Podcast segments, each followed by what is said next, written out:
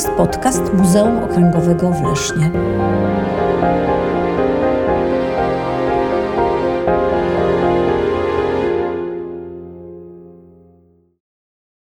Zapraszamy na opowieść Dariusza Czwojdraka o rabinie Jakubie Egerze.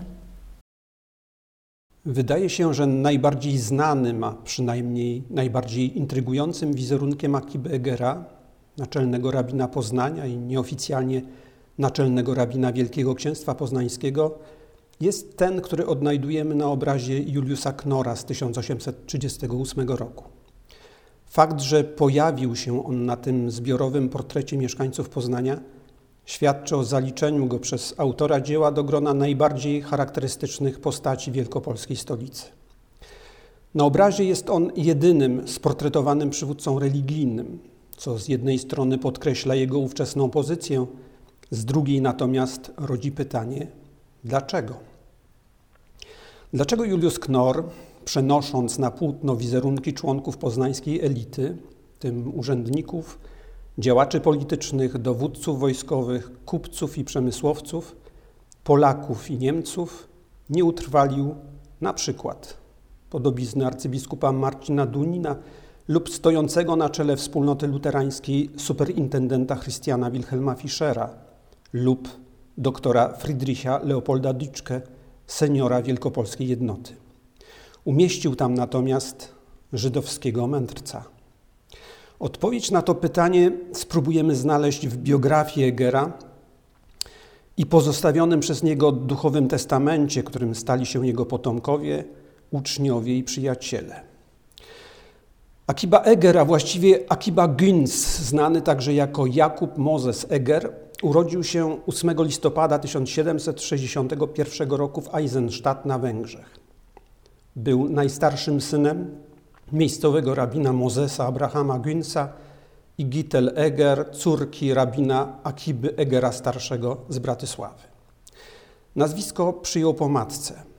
Nieprzeciętne zdolności, jakie zaczął okazywać już we wczesnym dzieciństwie, sprawiły, że jego edukacją zajął się dziadek, rabin i znany talmudysta Abraham Brody. Następnie chłopca wysłano do Wrocławia, gdzie kształcił się pod kierunkiem swojego wuja Beniamina Wolfa Egera. Uznawany był za cudowne dziecko. Swoją pierwszą rozprawę na temat Talmudu opublikował w wieku 12 lat. Jako piętnastoletni młodzieniec uchodził już za uczonego, który mógł samodzielnie wykładać Torę. W 1780 roku Akiba Eger zamieszkał w Lesznie, gdzie poślubił córkę miejscowego kupca Iciga Eli Margoliesa. Dzięki majątkowi teścia, który przekazał mu dom z ogromną biblioteką, ogrodem i służbą, mógł spokojnie zająć się dalszymi studiami. W mieście otworzył prywatną uczelnię talmudyczną, do której związku z popularnością, jaką leszczyńscy uczeni cieszyli się w żydowskim środowisku, ściągało wielu uczniów z Polski i z sąsiednich krajów Czech, Niemiec i Węgier. Podczas pobytu w Lesznie Egera wielokrotnie nakłaniano, by rozpoczął karierę rabinacką. Zawsze odmawiał, nie chcąc czerpać materialnych korzyści ze swojej wiedzy. Dopiero po pożarze miasta w 1790 roku i utracie majątku przez teścia zdecydował się na przyjęcie złożonej mu wówczas propozycji. Początkowo przez rok pełnił funkcję asesora przy sądzie rabinackim w Rawiczu. Następnie w latach 1791-1815 działał jako rabin w Mirosławcu. Podobnie jak w Lesznie prowadził tam jesziwę, szkołę talmudyczną, a jego sława wzrosła na tyle, że o rozstrzygnięcie spornych kwestii rytuału żydowskiego zwracali się do niego nawet uczeni z Włoch. W 1807 roku poproszono Egera, by przewodził deputację Żydów z Leszna i Poznania do cesarza Napoleona I i do nowego rządu w Warszawie w związku z utworzeniem Księstwa Warszawskiego. Miano tam zabiegać między innymi o dostosowanie praw Żydów w Polsce do emancypacyjnych rozwiązań zastosowanych we Francji i innych krajach europejskich. Sam Eger, jako zwolennik tradycyjnych wartości, o jakichkolwiek reformach nie chciał jednak słyszeć. Sporządził nawet opinię przeciwko używaniu języka niemieckiego podczas nabożeń w synagogach i krytykował tych Żydów, którzy zaczęli upodabniać swój styl życia do chrześcijan. W 1815 roku powołano go na naczelnego rabina w Poznaniu. Mimo zdecydowanego oporu i bojkotu ze strony miejscowych zwolenników reformy judaizmu i żydowskiego oświecenia, władze zaakceptowały jego wybór. Z czasem stał się on nieformalnym, duchowym przywódcą Żydów w Poznańskim i w Prusach, dysponując tak silnym autorytetem, że nie Żydzi wypowiadali się o nim jako o żydowskim papieżu. Podobnym uznaniem cieszył się także w Królestwie Polskim, Galicji oraz Rosji. Podczas pobytu w Warszawie w 1836 roku składano mu hołd niczym jakiemuś księciu. Tysiące Żydów gromadziły się na ulicach, oczekując na jego błogosławieństwo. Będąc rabinem w Poznaniu, Eger wielokrotnie zabierał głos w sprawie gminy żydowskiej w Lesznie i innych żydowskich wspólnot. Często zabiegał u władz o uzyskanie dla nich pozytywnych rozstrzygnięć prawnych. Między innymi starał się powstrzymać niekorzystne dla tradycyjnego systemu nauczania skutki reformy żydowskiego szkolnictwa. Mimo wyraźnego polecenia ze strony rejencji poznańskiej, by zaniechał mieszania się do spraw oświaty, stanowczo domagał się w Ministerstwie Wyznań Religijnych, aby wszystkim nauczycielom religii zezwolono na dalsze wykonywanie zawodu. Jego zdaniem żydowskie kształcenie było zbyt rozległe i ważne dla religii mojżeszowej, by można było pozwolić sobie na redukcję liczby nauczycieli. Eger nie chciał także zaakceptować nadzoru państwa nad żydowskimi szkołami. Nie zgadzał się również na powoływanie Żydów do służby wojskowej. Z drugiej strony podkreślał konieczność podporządkowania się władzy i okazywania jej należnego szacunku. Lojalizm Egera najlepiej scharakteryzował jeden z jego biografów. Ta serdeczna miłość do religii oraz współwyznawców, jej okazywanie podniosły rabina Akibę Egera także do roli stabilnej podpory patriotyzmu, manifestującej się wdzięczną miłością do dziedzicznego domu władcy, jak i bezwarunkowym podporządkowaniem się władzy i prawu. Tym bardziej, że w swojej skromności nie odczuwał niedoskonałości praw gwarantowanych Żydom jako zbyt dużego ucisku. Często więc podczas swoich kazań stanowczo głosił, że nakazem religii żydowskiej jest głęboki szacunek i przywiązanie względem głowy państwa, powołując się przy tym na naukę zawartą w Biblii, tradycję i rozum. W 1831 roku Eger wsławił się swoją pełną poświęcenia pracą podczas epidemii cholery w Poznaniu. Pomagał nie tylko swoim współwyznawcom, ale również przedstawicielom innych wyznań. Za jego zasługi król Fryderyk Wilhelm III za pośrednictwem naczelnego prezesa Wielkiego Księstwa Poznańskiego Józefa von Cerboni Dispozettiego podziękował mu specjalnym listem dziękczynnym. Według jednej z anegdot, ze względu na obchodzony szabat, Akiba Eger nie mógł otworzyć koperty i poprosił von Zerboniego o zrobienie tego w jego imieniu.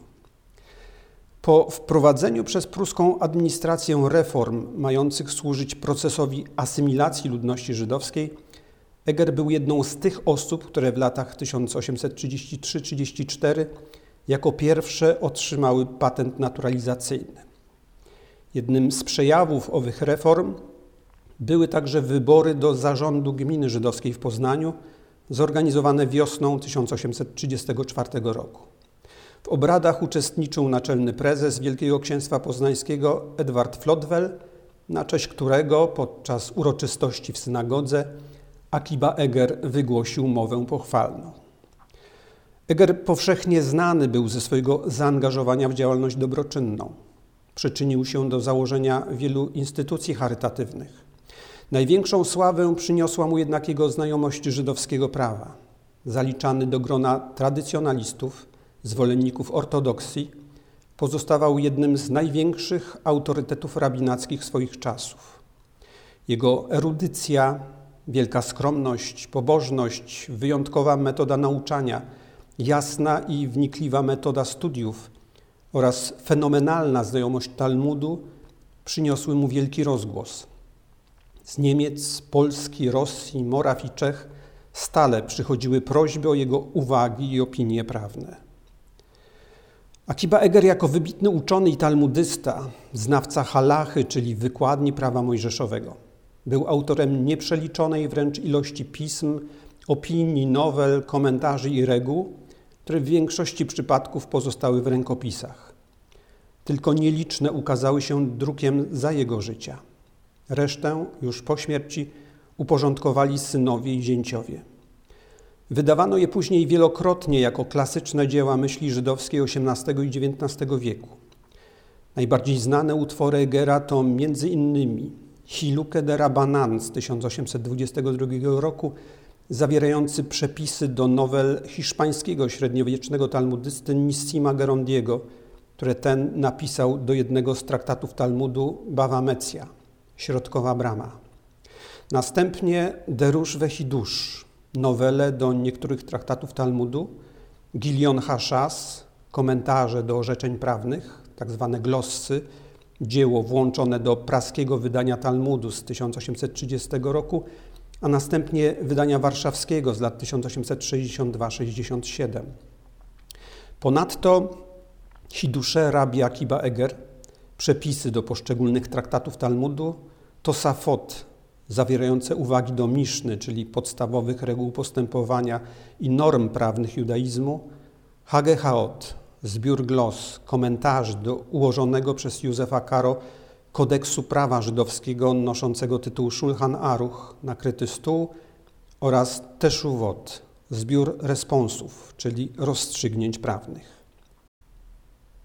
Po śmierci Egera opublikowano kilka biografii, w których starano się przedstawić życie i dorobek tego wielkiego rabina, między innymi opracowane przez jego synów Abrahama i Salomona dzieło Historia rabina Akiby Egera. Pierwszą w kolejności była jednak praca autorstwa jego ucznia Saula Izaka Kempfa, biografia słynnego, błogosławionego pana Akiby Egera, naczelnego rabina w Poznaniu, wydana w Lesznie i Zalcuflen w 1838 roku. W XIX wieku ukazały się również opracowania Salomona Lewizona, kompletna biografia rabiego Akiby Egera, wydanie poznańskie z 1865 oraz Morica Ehrenteila, Rabi Akiba Eger, rabin krajowy w Poznaniu. Książkę wydano w Budapeszcie w 1867. W 1904 roku ukazał się szkic Abrahama Bresznera Akiby Egera Życie i dzieło, oraz opracowany przez niego zbiór tekstów, pytania i odpowiedzi rabina Akiby Egera, orzeczenia i listy.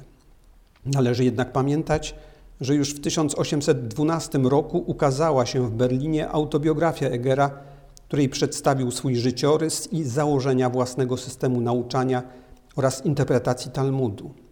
W 1991 roku w Izraelu wydano biografię Egera autorstwa Jakoba Sinazona, poznański Gaon, portret rabiego Akiby Egera, a w 1993 roku opracowanie poświęcone jemu i jego familii Agudot Mishpachat Eger, zrzeszenie rodziny Eger, zawierające innymi wykresy i zestawienia genealogiczne obejmujące wszystkie linie i gałęzie tej rodziny. Akiba Eger, niczym starożytny patriarcha, pozostawił po sobie bardzo liczne potomstwo – najwyraźniej głęboko biorąc sobie do serca biblijny nakaz zasiedlania ziemi. Związki małżeńskie wstępował dwukrotnie. W 1780 roku poślubił w Lesznie Glücksien Margolies. Miał z nią pięcioro dzieci, synów Abrahama i Salomona oraz córki Sarel, Scheindel i Cyporę. W 1797 roku, po śmierci pierwszej żony, Akiba poślubił kolejną leszczyniankę, Braindel Feibelman, córkę swojego szwagra, leszczyńskiego rabina i talmudysty Joszui Feibelmana Halewiego. Z tego związku przyszło na świat czternaścioro dzieci, w tym siedmiu synów, Mozes, Benjamin Wolf, Jehoszua, Izak Leib, Samuel, Symcha Bunem i Dawid oraz siedem córek, Hadassa, Gitel, Rebeka, Bejle Jetsien, Frejde i Radisz. Akiba Eger zmarł 13 dnia miesiąca Tishri 5598 roku według żydowskiego kalendarza, czyli 12 października 1837 roku Poznaniu. Pochowano go na miejscowym żydowskim cmentarzu.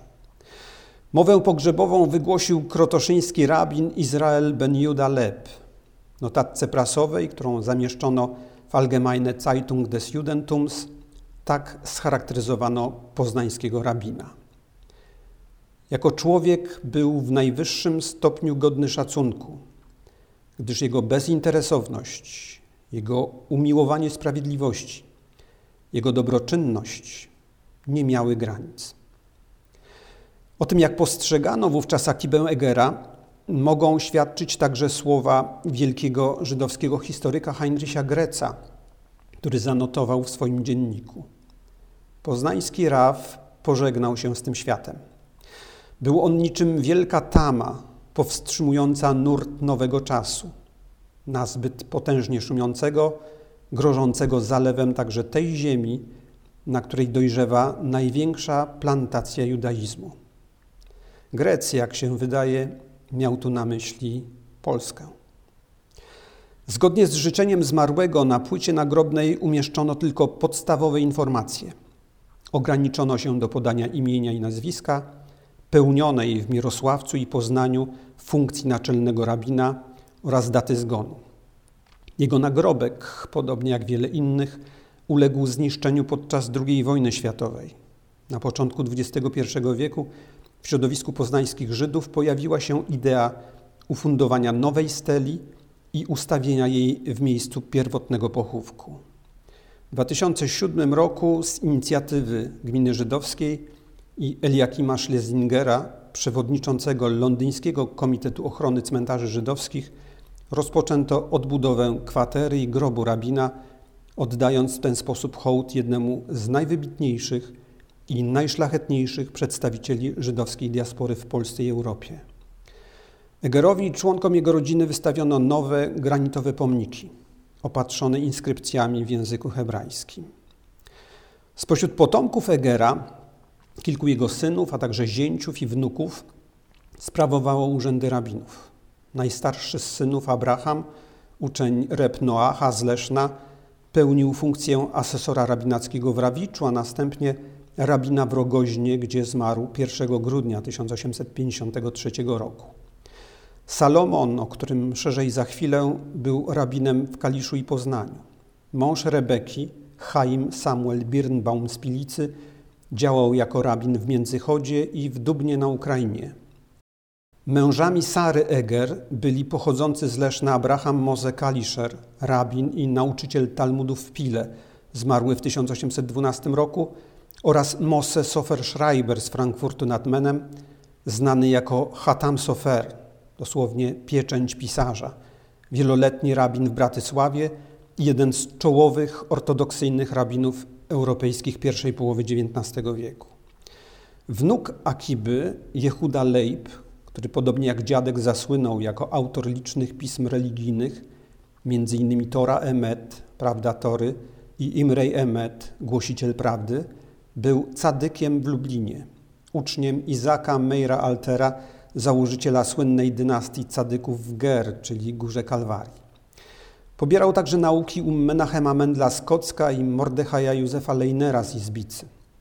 Od 1854 roku był jego oficjalnym następcą. Nazywano go płaczącym cadykiem z racji postawy, jaką przyjmował w czasie modlitwy. Zmarł w 1888 roku otoczony nimbem świętości. Mąż jednej z wnuczek Egera, Hany, Jakob Littauer z Rawicza, będący także uczniem Akiby, dał się poznać jako rabin i asesor rabinacki w Wągrowcu i Nowrocławiu. Mąż kolejnej wnuczki, Berty Berliner, Salomon Moses Bloch z Ujheli, był wieloletnim rabinem w Jarocinie i Żerkowie. Wspomniany już Salomon Eger zasłynął jako rabin, talmudysta, uczony, kupiec i działacz społeczny. Nauki talmudyczne zgłębiał u boku ojca, najpierw w Lesznie, a następnie w Mirosławcu. W 1831 roku objął urząd naczelnego rabina w Kaliszu. Pod koniec 1837 roku, krótko po śmierci ojca, zaproponowano mu fotel naczelnego rabina w Poznaniu. Urząd ten, w związku z silną opozycją ze strony zwolenników reform, posiadających w poznańskiej gminie znaczne poparcie, objął dopiero dwa lata później. Jako zwolennik tradycyjnego judaizmu, Salomon był autorem kilku opracowań z zakresu żydowskiej teologii. W większości pozostawił je w rękopisach. Po jego śmierci wydano w 1859 roku komentarz do Talmudu Gilion Maharsha. Tytuł trudny do przetłumaczenia, bo Maharsha to akronim znanego rabina Samuela Eliezera Idelesa. Jeżeli więc spróbujemy to przetłumaczyć, to będzie to arkusz, strona, karta naszego nauczyciela, rabiego Samuela Idelesa. Tekst włączono także do wileńskiego wydania Talmudu w 1880 roku. Drukiem ukazały się również komentarze i glosy Gilion Rasha do jednej z czterech części kodeksu Józefa Karo Shulchan Aruch, noszącej tytuł Joredea, nauczyciel mądrości.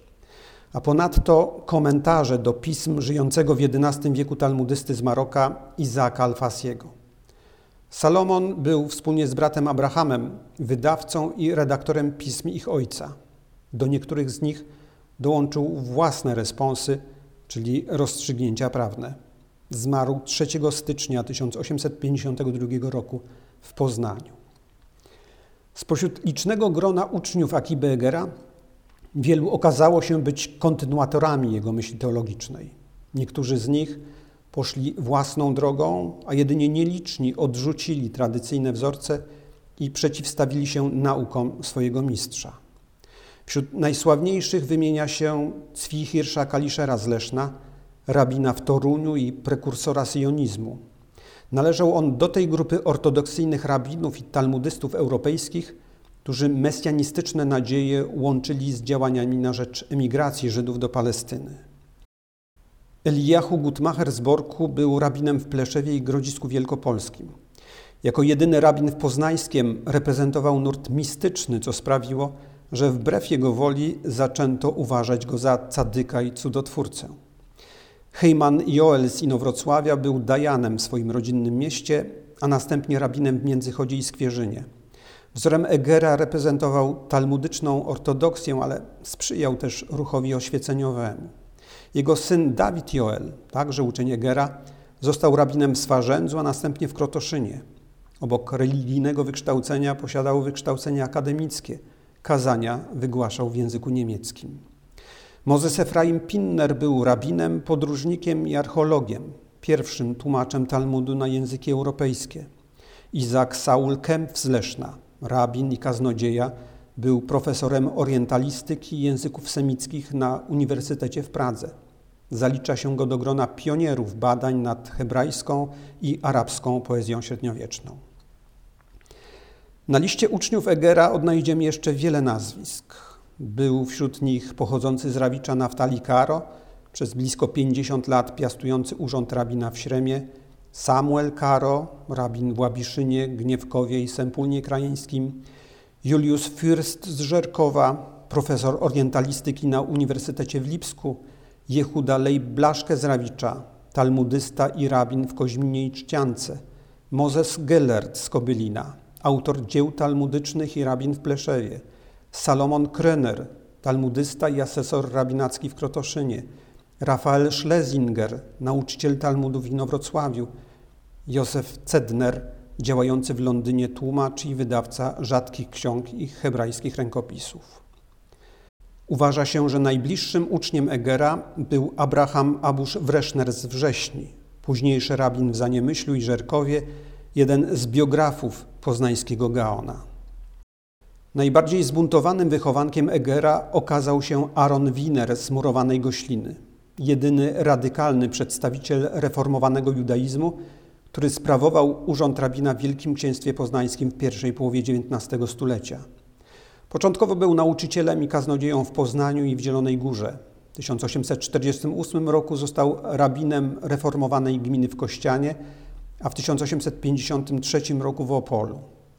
Był autorem licznych pism polemicznych, w których przekonywał do wprowadzenia zmian do porządku nabożeństw i do pełnej asymilacji niemieckich Żydów.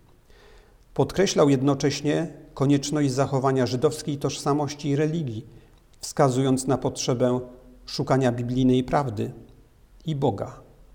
Wydaje się więc, że pomimo oczywistych różnic w podejściu do judaizmu, jakie dostrzec można w postawach i nauczaniu Akiby Egera, mistrza, i Adolfa Winera, ucznia, duchowo nadal pozostali sobie bardzo bliscy. Ostatecznie jabłko nigdy przecież nie pada daleko od jabłoni. Dziękuję za uwagę i zapraszam do obejrzenia na stronie Muzeum Okręgowego w Lesznie wizerunków Akiby Egera i związanych z nim osób. Do usłyszenia.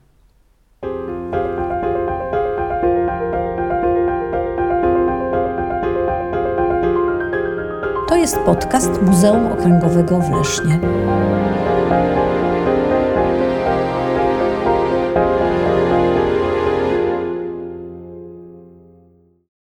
To wszystko w dzisiejszym odcinku. Zapraszamy na wysłuchanie kolejnych. Wszystkie odcinki możemy wysłuchać na stronie www.podcastmuzeumleszno.pl.